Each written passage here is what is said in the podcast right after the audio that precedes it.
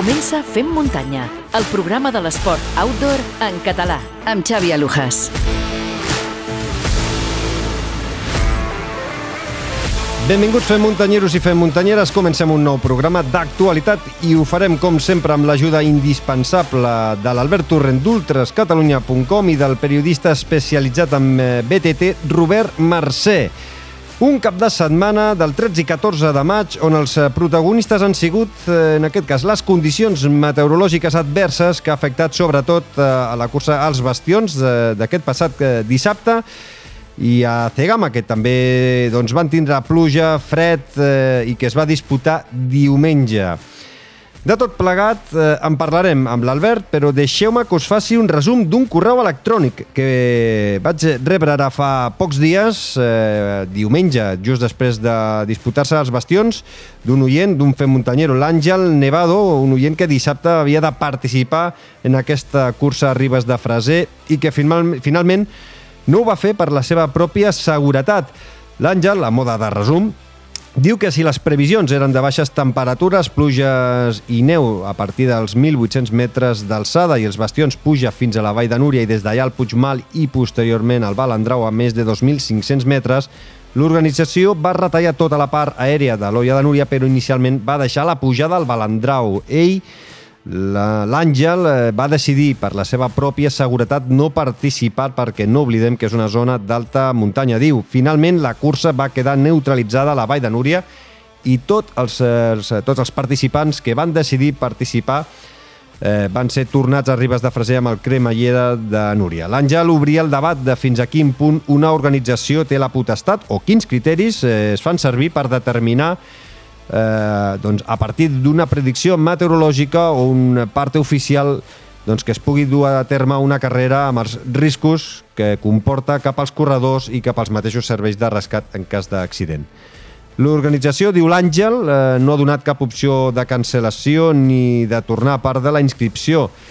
El que sí que hem rebut, després de rebre aquest correu de l'Àngel, eh, just abans de, de gravar aquesta, aquest capítol d'actualitat, és que Eh, l'organització ha donat la possibilitat als participants que s'han vist neutralitzats de poder tenir un descompte en altres curses que organitza Ocisport o de rebre un reembolsament de 15 euros eh, de la seva inscripció.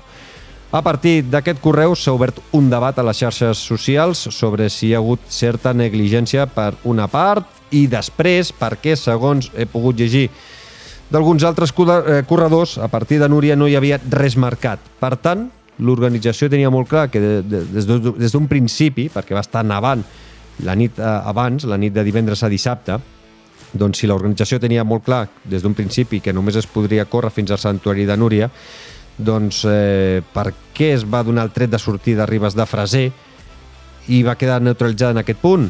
I es van haver de doncs, eh, treure a tots els participants de l'Ultra eh, amb cremallera i després altres, la, la, els que corrien a la marató doncs es van veure neutralitzats al coll de Barraques. Ens agradaria saber el que penseu o si us heu trobat en situacions semblants a través de la nostra comunitat a Telegram o a través del post a Instagram. I abans de començar el repàs a l'actualitat, us recordo que ens podeu ajudar podeu mm, doncs, ajudar al manteniment d'aquest podcast. Eh, sense vosaltres això és, eh, no, no, no té sentit, és impossible doncs, el manteniment del Fem Muntanya. I ens ajudaríeu molt si us subscriviu a la plataforma de podcasting que feu servir normalment, ens eh, podeu valorar positivament i que podeu compartir tots els capítols a les vostres xarxes socials. I si voleu que el Fem Muntanya continuï durant molt de temps, també us demanem la vostra col·laboració a través del mecenatge. Us podeu convertir en en Fem Muntanyeros Premium per només 1 euro amb 99 cèntims al mes a través de l'enllaç que teniu a les notes de tots els capítols. I l'altra manera d'ajudar-nos és comprant o regalant una camisa tècnica Flying Burrito, ja sigui per vosaltres o per algun amic o familiar. A l'hora de comprar una camisa feu servir el codi FEM Muntanya 10 i tindreu un 10% de descompte. I una altra manera que teniu d'ajudar-nos és comprant qualsevol dels eh, dispositius de la casa Coros. Si feu servir el codi FMCOROS, vosaltres tindreu un bon avantatge en la vostra compra i tant si feu servir eh, Flying Burrito com si compreu un Flying Burrito o compreu un rellotge de la casa Coros, de totes les dues maneres nosaltres rebrem petites comissions que cèntim a cèntim també ens ajuden a tirar tot això, tot aquest tinglado endavant. Tots els enllaços, no patiu, els teniu a les notes de tots els capítols. Dit això, ara sí, comencem i el que hem de fer és connectar amb la redacció d'ultrascatalunya.com.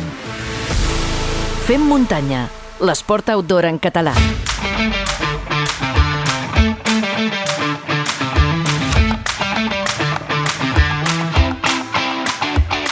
Albert Torrent, benvingut a Fem Muntanya. Hola, Xavi, què tal? Bé, com estàs? Eh, Com ha anat aquest cap de setmana? Molt bé, la veritat és que aquest cap de setmana ha tocat anar a Santander, al Campionat d'Espanya de mitja marató, i bueno, ens ho hem passat força bé, però pendent de tot el que ha passat aquest cap aquest cap de setmana, que déu nhi la, de, la de coses que han passat. Doncs eh, comencem repassant eh, un cap de setmana intens amb molts fronts eh, per anar parlant i, com sempre, hem de començar pel tema principal. Quants corredors i quantes corredores? Eh, qui s'ha apropat més a la porra que van fer la setmana passada? Tu vas dir 3.500 corredors i corredors aproximadament, jo vaig eh, dir que ens apropàvem als 4.000. Tu tens la solució, que és el, ets la persona Doncs- que ho comptes tot, un per un, cada cap de setmana. Sí, sí, doncs penso que t'has apropat bastant eh, tu perquè aquest cap de setmana doncs, han participat un total de 3.872 corredors repartits entre 14 curses per muntanya, dels quals 2.854 van ser homes i 1.018 dones. I la prova amb més participació doncs, va ser als bastions, que fins a 757 corredors doncs, van prendre la sortida. Ara parlarem de la Bastions, ara en parlarem. Eh, I hem fet, eh, ara fa un moment, eh, hem llegit aquest correu d'aquest oient, eh, però ja sabeu que si voleu tots els resultats heu d'entrar a ultrascatalunya.com. Per començar, ara parlem de la Bastions, però primer jo diria que potser és una de les curses més mediàtiques a nivell internacional, la marató potser que tothom voldria córrer un cop a, a la vida, que és la Cegama Izcorri, que han tingut dos protagonistes, un és eh, Manu Merillas i l'altre és la Daniela Oemus, que són els Sí. vencedors d'aquesta edició 2023. Sí, sí, Cegama doncs, va tornar, com bé dius, a ser l'epicentre del trail running mundial i amb els millors dels ingredients, on va haver-hi, no podia faltar doncs, el fang i la pluja d'ojo, que inclús va obligar l'organització a retallar la part del cresteig posterior a l'Izcorri per primera vegada a la seva història, degut a l'alerta groga que va dictaminar doncs, el, el govern basc. I la cursa masculina doncs, eh, va ser força disputada amb un emocionant final entre Manu Merillas i el marroquí Elousin El Lazawi i finalment el lleonès doncs, eh, es penjaria la seva primera i desitjada xapela Cegama després de ser tercer l'edició passada.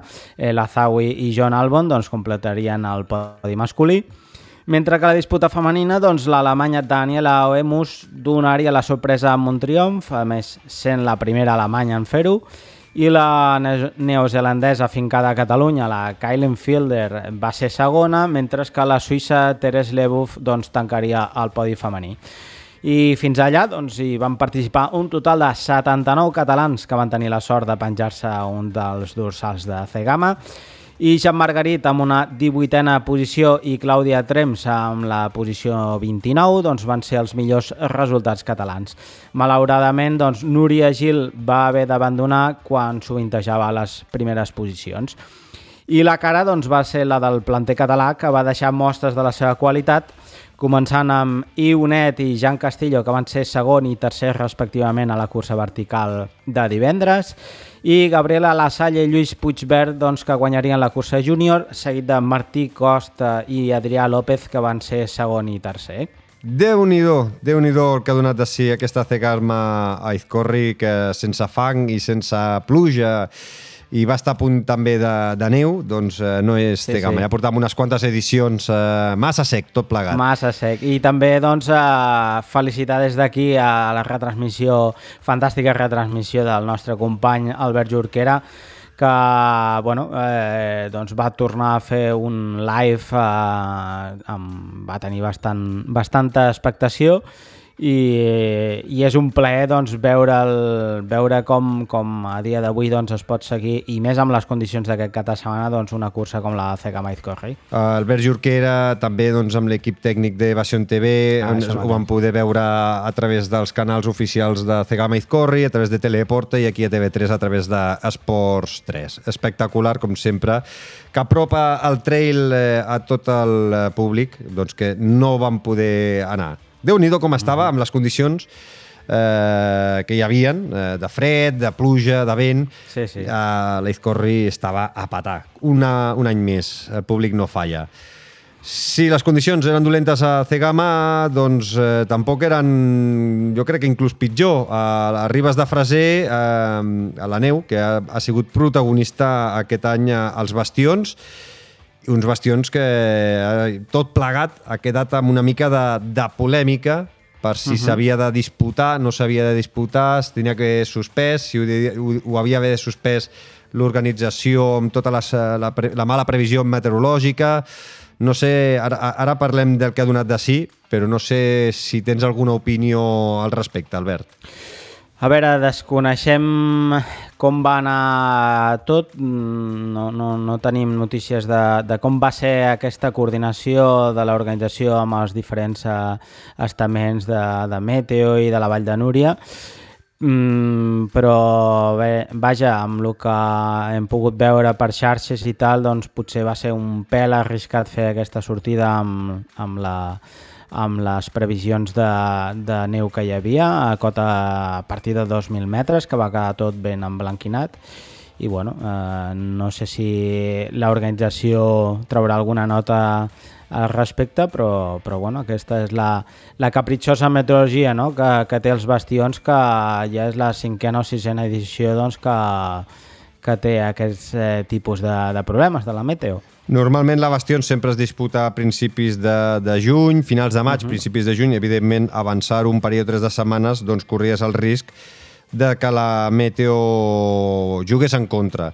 En el moment que estem gravant eh, doncs, eh, aquesta píndola d'actualitat, no tenim cap eh, nota de premsa de, de l'organització d'Ocisport eh, respecte a totes les decisions que es van arribar a prendre. Per tant, només sabem el que hem pogut anar parlant amb diferents corredors que es van trobar en aquestes condicions i el que ens expliquen, mm. evidentment, és que el briefing inicial doncs, va ser gairebé inexistent, doncs, que es va haver de sortir directament, van fer la sortida, i gairebé ja es donava per fet de que s'arribaria al santuari de Núria.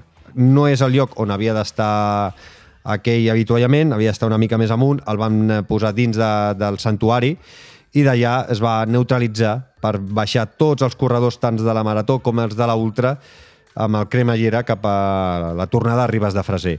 Uh -huh. Des d'aquí, doncs, és la reflexió que fem. Si l'organització sabia que s'havia d'anul·lar a Santuari de Núria, no fent gairebé més d'un terç de la prova, doncs no sabem si hagués sigut més convenient buscar un, un, un track alternatiu que no pugés fins al, al Santo de Núria, buscar cotes més baixes, un Taga, una Serra Cavallera, buscar mm, una altra una zona, alternativa. una alternativa que no fes pujar cap a la zona dels bastions, tot i que, evidentment, els bastions, el que, el, la gràcia dels bastions és pujar cap a, cap a dalt, eh? pujar cap al santuari, pujar al Puigmal, pujar tot el que és la Via de Núria. Si no es pot fer, doncs buscar una alternativa i si alguns corredors no volen mm, doncs, aquesta alternativa, doncs buscar altres opcions de buscar doncs, eh, un retorn, com a vegades fa Classmark o fa moltes organitzacions de tornar part, de, de part dels diners de la inscripció o donar la possibilitat de poder inscriure's gratis l'any que ve o altres proves d'Ocisport, que Ocisport organitza moltes proves al llarg de l'any de, sí. de trail.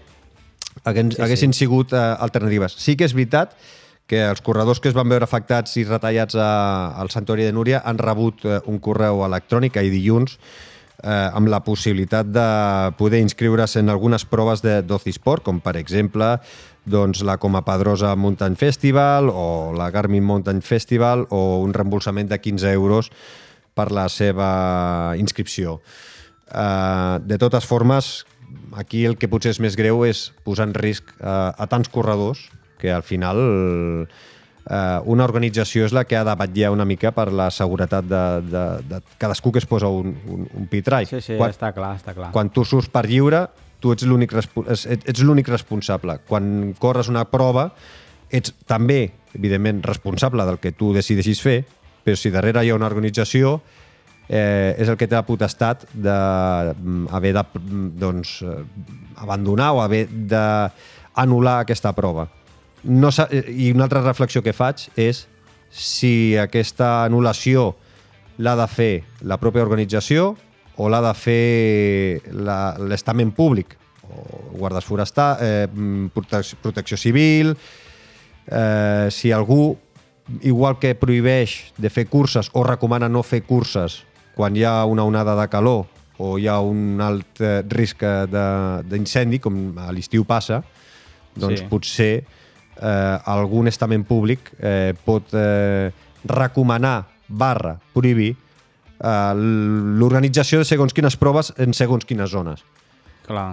Mm, Sí, sí. I, i no dones eh, no deixes a mans d'una organització que segons quins criteris es pugui fer o no es pugui fer. Des d'aquí, des del Fem Muntanya, escolta, llancem aquesta, és la nostra opinió, és la nostra reflexió, cadascú tindrà la seva, lògicament, i estarem encantats de, de poder-vos escoltar a tots vosaltres. Ara sí, es va disputar, es va córrer, Sí, i com dèiem, la neu ha sigut la, la protagonista d'aquest any eh, 2023 de, dels Bastions. Sí, bueno, eh, al final, doncs, eh, és, és també, com hem dit abans, una prova capritxosa perquè eh, hem de pensar que els, els passats mesos de març i abril doncs, van ser força po- pobres en quant a precipitació, quan normalment doncs, està ben emblanquinat, però bueno, aquesta sobtada baixada de temperatures i des, eh, va deixar un aspecte hivernal a l'alta muntanya i és el que té doncs, aquesta particularitat de, de prova. I a resultats, doncs, al final l'organització, després de, de debatre a veure com, com quedava el tema, doncs, va considerar que els vencedors serien els primers classificats eh, al punt de pas de Núria, on eh, Ferran Gascon seria el guanyador, seguit de Quim Duran i Marc Consola, i en categoria femenina, doncs Arola Tortades seria la vencedora, Esther Frank ocuparia la segona posició i completaria el podi Marisa Villagrassa. Els guanyadors de la marató doncs, es decidirien en el punt de pas del Collet de les Barraques, i on Marc Pinsac seria el campió, seguit de Sergi Massip i Edu Rodés. I amb la categoria femenina, doncs Montse Martínez ocuparia la primera posició, eh, acompanyada de Fàtima Bermudo i Júlia Gràcia. Per altra banda, doncs, la, la modalitat trail de 26 km i 1.600 metres de desnivell positiu doncs, es va disputar en total normalitat, amb més de 300 corredors, i l'arribada masculina doncs, va ser èpica, arribant junts a meta doncs, Víctor Saavedra, Jordi Cifuentes i Paul Sassieta, que compartirien la primera posició, mentre que Elena Puello seria la vencedora femenina, seguida d'Irati Azcar Gorta i Neus Guinovart. Déu-n'hi-do, déu nhi al final eh, el que dèiem, ha quedat tot una mica així embarrullat. Em va enrotllar, però bueno, Uns van esperem que, que els proper, la propera temporada, el proper any, doncs, eh, tot segueixen la normalitat i amb, eh, bueno, i amb el paisatge espectacular que té aquests bastions. I tant que sí. Uh, vinga, fem altres notícies en format més breu i comencem per Sílvia Puigarnau, va. Doncs que va quedar quarta femenina a l'Ultra Trail Snowdonia by UTMB eh, britànica en la modalitat de 50 quilòmetres que la selecció catalana de curses per muntanya a la FEC doncs, va viatjar a França, a la Vall d'Isère, on va participar a l'Sky Race des Mateixins, segona prova puntuable per a la Copa del Món de Skyrunning i Natàlia González doncs, va ser la millor de l'equip català amb una sisena posició Georgina Gavarró va ser dotzena, mentre que els germans Ivan i Julen Calva doncs, van finalitzar en la 26a i 40a posició respectivament. Que la britànica Holly Page doncs, va fer una breu visita a Catalunya i participant al Trail de Sorà i on va guanyar de forma absoluta la modalitat de 11 quilòmetres. I per acabar, doncs, eh, direm que demà dimecres, dia 17 de maig, doncs s'obren les inscripcions per una de les curses eh, també més esperades de l'any, com és el Trail del Bisaure, que celebrarà el mes d'octubre. i vindrà amb novetats a les seves curses. El trail s'allarga als 58 km i 4.000 positius, la mitja i pico doncs, arribarà als 26 km i 1.500 positius i també hi haurà una curta de 13 km, guanyant a més trams de corriol. I també hi haurà una caminada popular de 5 km, així que estigueu avisats que demà doncs, eh, les inscripcions volen. Sí, aquestes aniran cares, aquestes aniran cares. Ara ja us aviso que eh, si no heu tingut sort de poder-vos inscriure d'aquí poques setmanes, podrem regalar alguna inscripció pel trail de, del, Bisaure, del Bisaure com fem ca, cada any aquí al, al Fem Muntanya. Fa molta gràcia aquests, els bojos de, del Bisaure. Sí. El puto trail, eh, la mitja i pico, i la curta, però no tant, perquè totes les curses les han allargat una miqueta i les han endurit en alguns trams, vull dir sí. que ja ho sabeu que mm, si us agrada patir i, i esperem, esperem que la tardor d'aquest any doncs, sigui una miqueta més plujosa, doncs eh, algunes baixades les fareu de, de cul.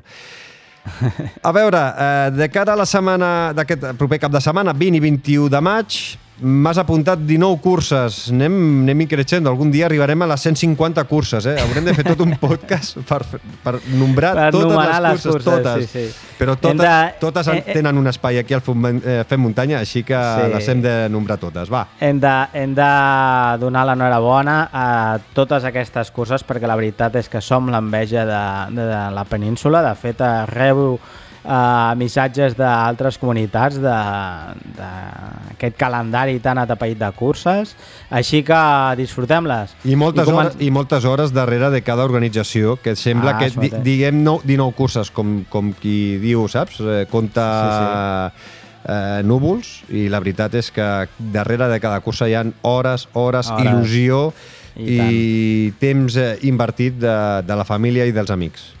I tant.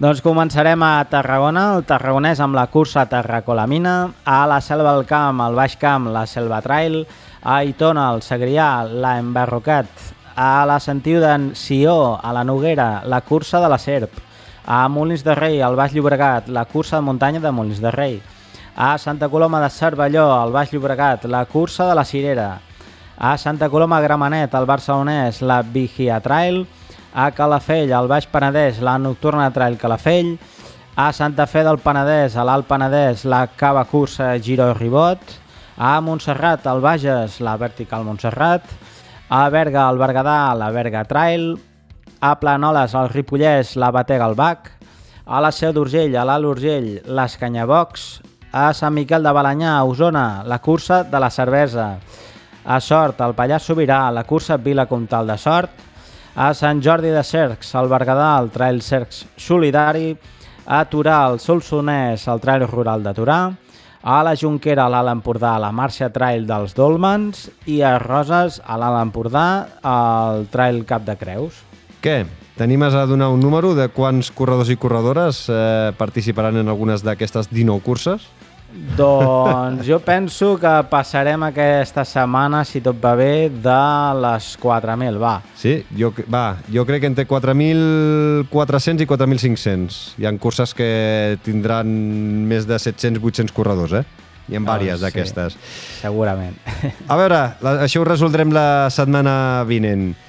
Albert Torrent, com sempre, si voleu estar actualitzats, ultrascatalunya.com, allà les millors cròniques relacionades amb les curses per muntanya. Com sempre, un plaer xerrar amb tu, eh, que ens informis, i la setmana eh, vinent, més, i si podem, si podem, una miqueta millor. Cuida't, una forta abraçada. Una abraçada, Xavi. Bikers, recordeu, els millors esportistes són els bikers, no els ultratrailers. una abraçada a tothom de Fem Muntanya. Vinga, adeu.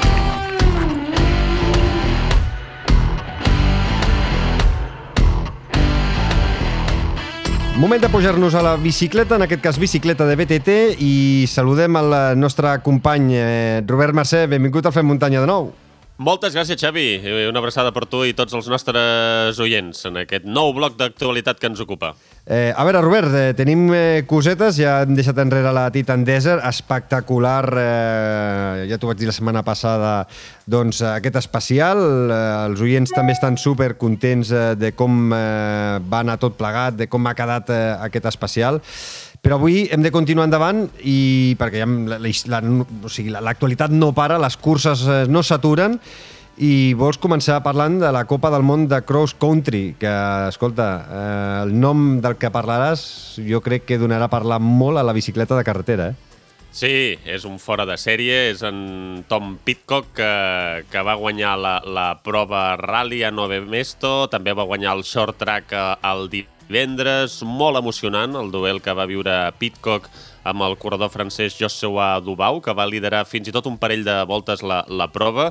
Va ser després que, que Pitcock anés per terra quan, quan compartien el liderat i perdés uns segons molt valuosos Pitcock i que després va recuperar per poder atrapar el corredor francès que va fer la cursa de la seva vida. Un atac sec de Thomas Pitcock a la darrera volta va deixar enrere a Dubau en un dia marcat per, per la pluja, el terreny humit i, i que patinaven segons quines zones. Triomf de Pitcock per segon any consecutiu a Nove Mesto, segona posició per Joshua Dubau i tercer el campió del món Nino Schurter. Els millors bikers espanyols, doncs en David Valero a la posició 27, David Campos a la 37, primera participació a una cursa elit a la Copa del Món de David Campos i el català Jofre Cullell a la posició 56. A la categoria femenina, victòria per la jove neerlandesa Puck Pieterse a la primera cursa elit també per ella, a la Copa del Món. Segona posició per Pauline Ferran Prevot i tercera Loana Lecomte. Pel que fa a les bikers espanyoles, Rocío de l'Alba, posició 44 i Natàlia Fischer, la 82. I també a Nove Mesto, Fabian Ravensteiner, el campió d'Europa de marató, ha guanyat la primera prova de la Copa del Món XCM. Per tant, marató després de fer dues voltes a un circuit de 60 quilòmetres. A la categoria femenina, el triomf ha estat per la ciclista de Bòsnia, Leila Nemcevic. Eh, pel que començàvem al principi, eh? si es parla molt de Pogacar, de Remco, que escolta, va, ha hagut d'abandonar el, el Tour, eh, aquest eh, Thomas Pitcock de l'equip Ineos Grenadiers. El Giro, el Giro, ha abandonat el Giro, Remco. Eh, cert, he dit ja el Tour, ja estic ja... És que el subconscient... Tens el cap ja a Bilbao, eh, tu ja? Sí, el subconscient m'ha faltat, m'ha saltat, eh, perquè no sé per què, però crec que eh, aquesta, aquest, aquest abandono no, de, del Giro m'oloro a una miqueta que pugui anar al Tour. Ja veurem, ja veurem. Eh, seguim amb la BTT, va. Eh, perquè aquest... eh, ja ho veurem, ja, ja ho veurem, el temps, el temps ho dirà. Eh, quan el Patrick Lefebvre doncs, eh, s'hi posi bé. Eh, el, també aquest, durant eh, aquest passat cap de setmana s'ha disputat la Rioja Bike Race eh, presented by Pirelli. Amb tres dies de mountain bike pels camins del medallista olímpic Carlos Coloma, èxit rotund del Buf Megamo Team, que ha aconseguit la victòria tant a la categoria masculina amb Enrique Morcillo com també a la femenina amb la catalana Txell Figueres. Sentim protagonistes d'aquesta Rioja Bike Race presented by Pirelli. Enrique Morcillo, en declaracions al Fem Muntanya, explica com va aconseguir el liderat a la segona etapa al superar a Eber Alejandro Gómez amb l'ajut de Roberto Bou. Eber Alejandro Gómez, fins al moment, era el líder después de guanyar la primera etapa. Eh, bueno, la, segunda etapa me la planteé diferente. Sabía que quizás el ritmo que yo tengo subiendo no es el mismo que el de Roberto y el de Ever, eh, ya que ellos suben, un, pienso que un poco mejor que yo. Entonces intenté dejarme el menos tiempo posible arriba. Y, y bueno, luego abajo cuando los pillé me, me encontré con buenas piernas y bueno, eh, quise, quise atacar, ataqué, me salió bien, el único que aguantó fue Roberto, así que nos entendimos los dos para él ganar la etapa y yo ponerme, ponerme líder. La cursa va propiciar que Enrique Morcillo i Roberto Bou col·laboressin entre ells, l'un per aconseguir l'etapa, en Roberto Bou i Morcillo al liderat, però aquestes coses com es parlen dins la competició? L'Enrique Morcillo ens ho explica. Ah, al final son, son pactos no escritos de un poco de sentido común eh, y bueno que beneficia, beneficia a todos, ¿no? Eh, eh, Roberto había estado todo el día adelante luchando por la etapa, yo llegué a última hora, entonces yo pienso que la etapa se la merecía él más que yo, así que él, él me echó una mano también a sacar tiempo en la clasificación general Eh, y bueno, es lo que te digo, son pactos más o menos de, del ciclismo. L'Enrique Morcillo del Buf Megamo Team arriba amb molt bona forma al Campionat d'Espanya de Marató que es disputa aquest diumenge a Jerez de los Caballeros, a la província de Badajoz. Un recorregut que s'adapta a les condicions de Morcillo. El circuito, el recorrido es bastante, bastante rodador. Yo pienso que se me da bastante bien, pero claro, eh, ya sabes que, que a un día hay mucha gente rápida. Entonces, mira, nada, yo voy a intentar llegar lo mejor, lo mejor posible y, y bueno, si tengo un buen día, pues estaremos delante y si no, pues otro año será. Tampoco, no, no me obsesiono. Pero bueno, yo pienso que llego bien, que al final es lo importante y vamos a ver si te- tenemos suerte. Declaració d'intencions d'Enrique Morcillo per Jerez de los Caballeros, qui també arriba amb molt bona forma en aquest Campionat d'Espanya Marató, és la seva companya d'equip, la Txell Figueres, que ha aconseguit, com deia, la victòria a la general de la Rioja Bike Race Presented by Pirelli, després de guanyar les tres de les tres etapes eh, i fer el 3 de 3, per tant, amb victòria d'etapa a la Rioja. Això sí, la tercera etapa, la darrera, marcada pel fred i la pluja, va tenir de tots. La tercera etapa me la vaig agafar una, amb una altra filosofia, no vaig voler apretar tant perquè al final ja portava un marge respecte a la segona i la tercera classificada i vaig voler anar a gaudir. El que passa és que només de començar ja, ja, hi va, ja va començar a plovisquejar una mica i feia molta fred, devíem estar a 6 graus i ja vaig sortir directament amb el paravent. El paravent no em transpirava gaire, vaig agafar bastanta calor i suava bastant. El que passa és que un cop a dalt als cims eh, tornava a haver-hi pluja, eh, molt de fang, eh, vent en contra...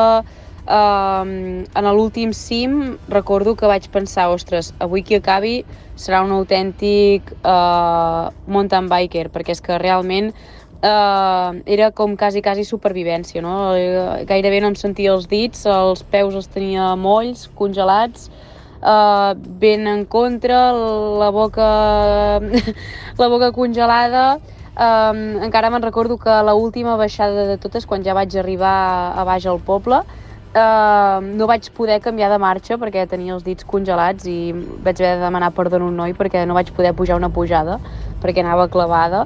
Bueno, uh, va ser un autèntic uh, espectacle. Vaig gaudir molt, però perquè m'ho vaig poder agafar així més tranquil·lament. Va ser una de les etapes més dures que he fet uh, en curses per etapes. No?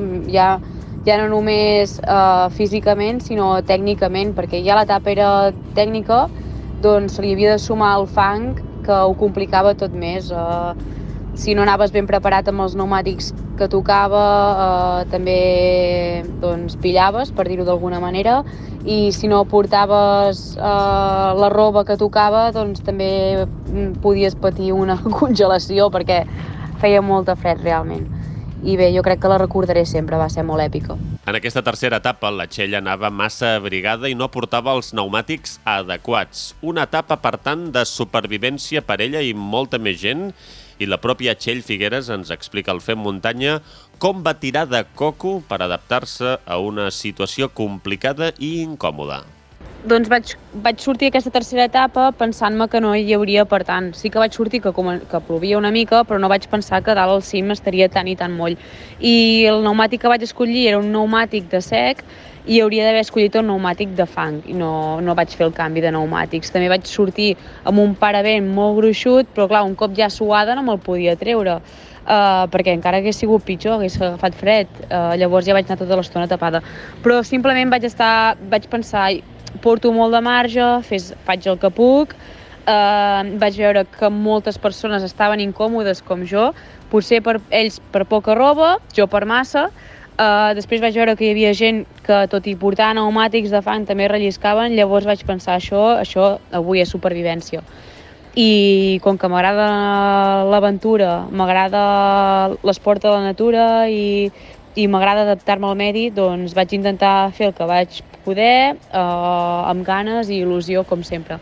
I així vaig poder canviar una mica la mentalitat i seguir endavant, que al final no passa res si vaig una mica més tapada del compte o si porto uns pneumàtics que rellisquen una mica més dels altres, però que no passa res. Al final ja et dic, la bicicleta va funcionar perfectament, jo també, i, i quan tot va bé uh, i tu tens ganes, doncs mm, el resultat és positiu. Robert, eh, veig molta qualitat aquí i m'estan entrant molts dubtes, eh, perquè, clar, el Roberto Bou va acabar fa poc més d'una setmana la Titan Desert i continua guanyant al cap d'una setmana. Així que eh, veig que haurem de fer alguna trucadeta i tenir alguna conversa més tranquil·leta aquí al Fem Muntanya, tant amb el Roberto Bou com també a la crac de la Txell Figueres, eh?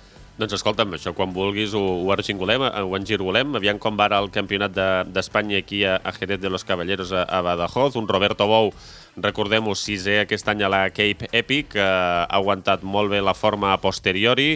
A la Titan, us ho explicàvem la setmana passada, el seu triomf brutal, amb, amb, amb la mort del seu avi que li va afectar doncs, a no entrenar el que hagués volgut per arribar a la Titan, però a vegades eh, trencar les planificacions, tot i que sigui per motius tan greus i complicats com la mort d'un ser estimat com era per ell el seu avi, el seu abuelo, eh, eh l'Àngel Bou, doncs, doncs eh, va mantenir bona forma, torna a la, ha tornat a la Rioja el, el Roberto Bou, que feia uns quants anys que no, que no hi anava, i, i amb una victòria d'etapa de, i també podi per eh, el Roberto Bou i també per l'Ever Alejandro Gómez, eh, segon i tercer, eh, Ever Alejandro i el, i el Roberto Bou. Doncs eh, treballarem aquí al Fem Muntanya per eh, poder-los eh, tenir tranquil·lament, eh, el Roberto Bou i també a la, a la Txell Figueres. Va, seguim amb més cosetes.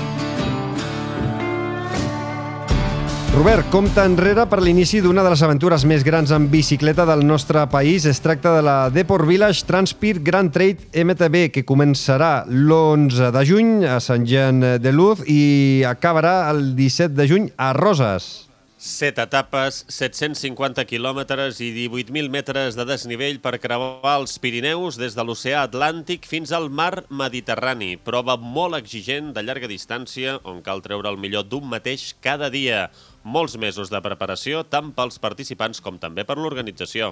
I l'Oriol Seient és el cap d'operacions i soci fundador de la Deport Village Transpir Grand Trade MTB, considerat per National Geographic com un dels 10 millors events de la mountain bike del món. Oriol Seient, benvingut al Fem Muntanya.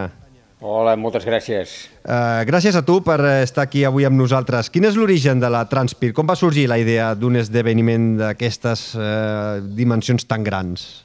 Doncs l'origen surt eh, a partir de que en Francesc Sallent està treballant implicat en un esdeveniment que es fa als Alps alemanys, que es, deia, es diu encara Transalp, i a partir d'aquí doncs, va pensar que si això es podia fer als Alps eh, doncs també s'hauria de poder fer aquí, d'això parlem ja de fa uns 25 anys, i doncs a partir d'aquí doncs, es tracta d'un cop tornat cap a casa, per dir-ho d'aquesta manera, doncs a començar a organitzar fins que portar-ho a la realitat. Mm, I a pràcticament eh, res, tres setmanes eh, de la prova, quina feina us toca mm, fer aquestes darrer, aquests darrers dies? Doncs a, a vegades la, la, no te'n fas ben bé creus de tot el que arribes a fer fins que ara no mires enrere i te n'adones de, de, de la feinada que porta. Eh, mireu, ara estem d'alguna manera tancant diferents fronts. D'una part hi ha un tema de recorregut. Nosaltres demanem, fa mesos que hem demanat els permisos de, per poder eh, passar, eh, més de 150 pobles, amb eh, la gendarmeria, a Mossos, etc. I doncs ara ens van arribant les respostes confirmant aquest pas o no, i per tant havent de fer algun canvi sobre el terreny. Aquesta és una de les parts. L'altra part és anem tancant inscripcions. En aquests moments estem ja al compte enrere de tancament de les inscripcions, per tant, encara hi ha gent que s'està inscrivint i preparant d'alguna manera tot el que és la part logística, quins materials te n'emportes, en contacte amb els patrocinadors per intentar doncs, optimitzar-ho al màxim, etc. Com qualsevol esdeveniment, tot i que l'única diferència és que aquí estem tot l'any organitzant-lo. I quina és per tu, Oriol, l'essència de, de la vostra prova? Allò que fa que els amants de la bicicleta, en el nostre cas de, de muntanya, hi vulgui participar? Eh, la Transpir és, és un esdeveniment únic en el qual tu proposes un, una missió, per dir-ho així, que és arribar al mar. I aquesta és la gràcia. Durant set dies els participants van creuant pobles, van creuant valls, van passant per ports de muntanya amb una línia més o menys recta, amb una finalitat. Hi ha un propòsit al final de tot, que és doncs això, haver creuat tots els Pirineus i haver tornat al mar que has deixat doncs, en un moment determinat. I això és el que et fa únic, perquè de proves per etapes n'hi ha moltes, boníssimes, en les quals doncs, van fent una ruta determinada doncs, que pot ser aquest any anem cap a un costat, l'altre cap a un altre, però a Transpir la ruta és, és el que mana, és, és, el, és d'alguna manera és, és aquest valor que, que, que se li dona a la prova el, la ruta, el track d'aquesta prova meravellosa, una prova en línia, com expliques, amb les etapes diàries on cada dia es dorm a, a un lloc diferent. Com ha anat eh, evolucionant al llarg dels anys amb el, amb el feedback dels participants? Doncs eh, evoluciona a partir de que creem una primera ruta que fa el sentit mediterrani fins al Cantàbric, i vam estar-hi fent-la 10 anys, i llavors aquí sobretot el, els canvis són a partir d'això, de, de, de veure quina és la sensació del participant, evidentment tots els participants són diferents i no pots fer una ruta per cada un d'ells, però et van donant una mica el feedback. Després treballem moltíssim amb la gent del territori, els clubs locals, persones que vas coneixent amb els anys i que et van descobrint un caminet que s'ha obert nou, un camí de pastor que hi havia en un lloc i que ara doncs, eh, és més transitable i, i així vas, vas creant la ruta. Llavors, l'any 2020, que vam acabar-la fent el 2021, canviem totalment i, i anem des, de, des, del, des del Cantàbric fins al Mediterrani. Això és una ruta diferent, no només perquè ja passem per França fins a Viella, sinó que, a més a més, eh, la direcció és diferent i, per tant, doncs, el que abans era una baixada ara no la pots convertir en una pujada, has de buscar-ne una altra i doncs torna a començar i ara portem tres anys amb aquesta, amb aquesta nova ruta i realment eh, amb, amb gran èxit. Ara, de moment, quants inscrits teniu per aquesta edició que comença, com dèiem, l'11 de juny? Sí, nosaltres estarem al voltant dels 250 inscrits entre una cosa i l'altra, eh, tenint en compte que també fem la, la, una modalitat per carretera, sí? que també eh, es, es fa al mateix temps, compartim les arribades i les sortides als mateixos punts d'etapa i, evidentment, va per, una, va per un itinerari diferent. Oriol, i, i una prova tan dura com la vostra i exigent, eh, com, com s'entrena? I què és el que recomanes a qui ja pensi en participar de cara a l'any 2024? Jo la primera cosa que faria seria eh, entendre que tens tot un dia per pedalar unes etapes que són molt llargues. Per tant, el que es tracta, per dir-ho així, és entrenar llargada, però és, és a dir, és cert que és, eh, que és exigent, però nosaltres tenim un 85% dels participants que acaba.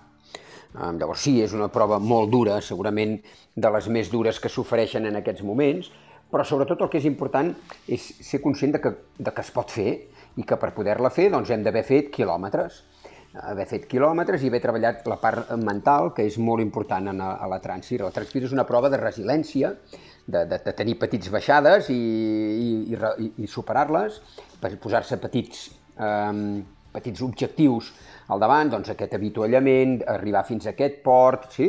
i per tant el que cal és treballar forces quilòmetres, però sobretot també desmuntar una mica aquest mite, perquè hi ha gent que ja comença a entrenar-se gairebé espantat. I repeteixo, tenim participants aquest any, eh, el 25% dels participants són repetidors, són participants que ja l'han feta, que han fet la duresa aquesta, però que veuen que es pot fer i que, i que tornen a repetir. I... Sobretot és el que deies, eh, perdona Xavi, és el que deies Oriol, no? de, de, segurament és un canvi de xip, és a dir, hi ha qui pot aguantar una certa intensitat moltes hores, però que amb una uh -huh. intensitat mitja però continuada, que és la que s'ha d'entrenar, no? és el, el que et pot sí, portar a aconseguir l'èxit, veritat? Exacte, és, és aquesta idea de pensar, no tens pressa, eh, pots anar fent, atura't a, atura't a aquest port eh, i, i, i mira les vistes, gaudeix, descansa, continua baixant, aquí ja passes al costat d'un cafè amb un poblet del mig dels Pirineus, t'atures un moment, si vols fins i tot et, fas, et prens un cafetó, tornes a haver-hi, tornes a continuar. Nosaltres cronometrem uns trams durant la prova, durant cada etapa, són uns trams que poden estar als 24-25 quilòmetres, més o menys, la resta del temps, agafa't un calma, vés disfrutant, parlant amb la gent, i això et permet avançar moltíssim més del que, eh, del que realment ens creiem que és possible. I, uh, Oriol, i creus que molts bikers de casa nostra eh, fan grans curses per uh, etapes arreu del món, com per exemple eh, la Cape Epic, la Transalp, mm uh, hi ha moltíssimes eh, que anem parlant aquí al Fer Muntanya, eh? Mm però que no coneixen la bellesa de la Transpir, que tenen molt més a prop i, i, i que podríem dir que gairebé és de, de quilòmetre zero. Sí, això, això suposo que és, bastant usual a, a totes les proves i el que tens a prop eh, a vegades no ho valores o creus que com que hi és algun dia ja ho faràs i ja, ja, ja, ja ho farem, un, un any ja ho farem. Sí, ens passa sovint. Pensem que nosaltres tenim la meitat dels participants que són estrangers mm, i aquest any doncs, tenim des de canadencs, gent d'Estats Units, d'Uruguai, de Mèxic, eh, tenim gent de, que ens arriba de, de Sud-àfrica. Hi, hi ha molta gent que ve aquí perquè és un lloc espectacular que, i que repeteixen. Eh, tenim gent d'Estats Units que han vingut ja tres anys tenim tot el món per poder anar a fer proves. I en canvi, doncs, la gent d'aquí doncs, té la sensació de que, bueno, potser minimitzes el Pirineu, difícil de dir, però ens passa sovint, eh, que parlem amb gent i que et van dient, doncs sí, ostres, aquesta ha de ser molt bonica, ja la faré algun any. Com que la tenim a prop, doncs eh, ho anem deixant, potser. Doncs eh, que sigui l'any que es vulgui, però que no es deixi pel final, perquè les coses s'han de fer allò quan, quan surten i quan hi ha, i quan hi ha ganes de fer-la. Eh, no hi ha res marcat, és un track que els eh, bikers doncs, van, van seguint per, per encara amb, amb menor impacte en, en el terreny, i m'imagino, Oriol, que, que les històries anònimes que hi ha al llarg de tants anys d'història de la Deport Village Transpir Grand Ride MTB eh, són importants. A tu quines són les que t'han marcat més al llarg de, de, tot aquests, eh, de tota aquesta trajectòria? Sí, eh, és difícil ara d'agafar algunes històries específiques. Eh? Eh, tenim des de gent que, amb això em puc recordar una, una noia alemana que ho va fer en el seu moment, que viu als Estats Units, eh, però, i que vam viure de, de, de, de primera mà doncs, com decidir apuntar-se, els seus entrenaments, el patir, com ho va acabar fent i, i el que això va significar per ella en el, des del punt de vista d'autosuperació i, i, com ho ha comentat, els, el, molta gent que, que ha estat amb nosaltres durant molt temps, que n'ha fet vàries, eh, per exemple, doncs, tenim el cas de, de l'Andreu, un noi de, de, de València, de la zona del, del País Valencià, que la via va fer en muntanya, la va fer en carretera, després ho va fer eh, amb l'estaf, és a dir, després es va apuntar de voluntari i, i, i va fer-la també amb nosaltres. Vull dir que tenim, tenim tota una sèrie de gent, però sobretot jo el que crec que és molt interessant d'aquesta prova és que la, la, la gent se n'adona de que li canvia alguna cosa al fer la prova i i és una cosa que comenten ells mateixos, és a dir, acaben i et diuen des que vaig fer la Transpir és, és diferent, veig les coses diferent, eh, és com si hagués canviat, perquè són set dies on no estàs tan preocupat de si avanço el Pepito i, o l'altre, estàs tan preocupat en concentrar-te, en vas veient tants canvis de paisatges, te n'adones que ets capaç de fer les coses, que la gent et, et porta, diguem-ne, uns, et fa uns comentaris al final quan s'acaba la prova que se't posa la pell de gallina i penses, hosti, això ho hem, ho hem organitzat nosaltres, per dir-ho, eh? Vull dir, és, és fantàstic, no?, que, que la gent ja no només sigui feliç, que és fabulós, sinó que cregui que, que, que s'ha transformat i, i això crec que és de les coses que més impacten al Fem Muntanya ens sentim uns privilegiats perquè tenim la possibilitat d'acostar precisament aquestes històries humanes, històries de vida, històries anònimes dins del món de, de l'esport cap, a, cap als nostres oients i això ens fa, ens fa realment doncs, gaudir de, del viatge que, que, que té aquest podcast.